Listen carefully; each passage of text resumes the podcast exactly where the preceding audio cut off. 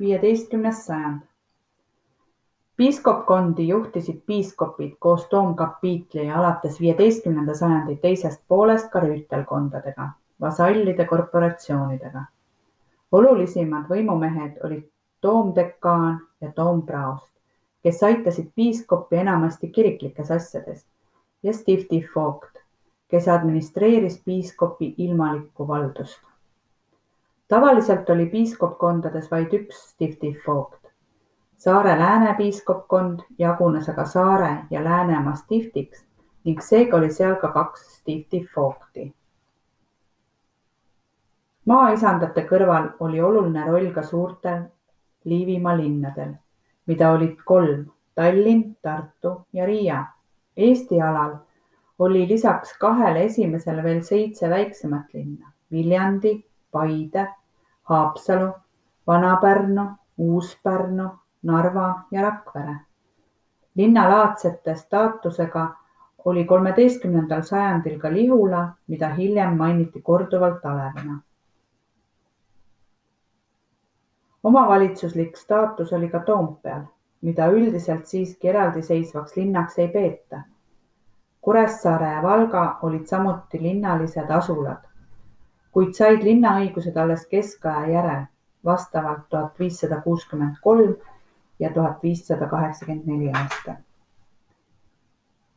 teised kaubalevid olid juba tunduvalt väiksemad ja tähtsusetumad.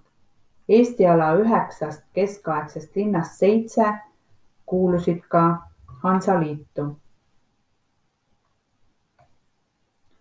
Narva ei saanud selle liikmeks Tallinna vastuseisu tõttu ja Vana-Pärnu ilmselt tänu Uus-Pärnu soodsamale positsioonile kaubateel. ristiusustamisega muutus Liivimaa katoliiklikuks piirkonnaks. veel esimesel sajandil nimetati eestlasi neofüütideks vastristituiks, säilis osa vanu uskumusi, mis sulasid kokku katoliiklusega ja sellest moodustus rahvausk. Eesti rahvakalendri kujunemist mõjutas katoliku pühakute kalender. eestlaste eesnimede panemisel hakkasid viieteistkümnendal sajandil muistsete eestikeelsete nimede asemel ülekaalu saama kristlikud. haridust andsid Keskajal toomkoolid, kloostrikoolid ja linnakoolid. Ülikooli hariduse saamiseks tuli sõita välismaale. Keldipalve. tänupalve söögi eest. anna meile, o Jumal, hommikusööki, mis kinnitaks keha meie hinge kesta. anna meile, o Jumal, õhtust söömaaega, et saaksime söönuks, kui päev jõuab lõpule anna meile, oo Jumal, mesimagusat vahutavat piima.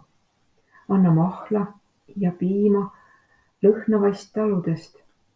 anna meile, oo Jumal, koos unega puhkamist sinu püha kalju varjus.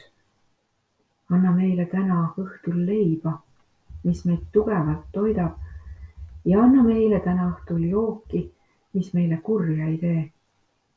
ja anna meile hilisel õhtul, kui mõtted meil taevale lähemal, juua leebe ja lahke Maarja karikast.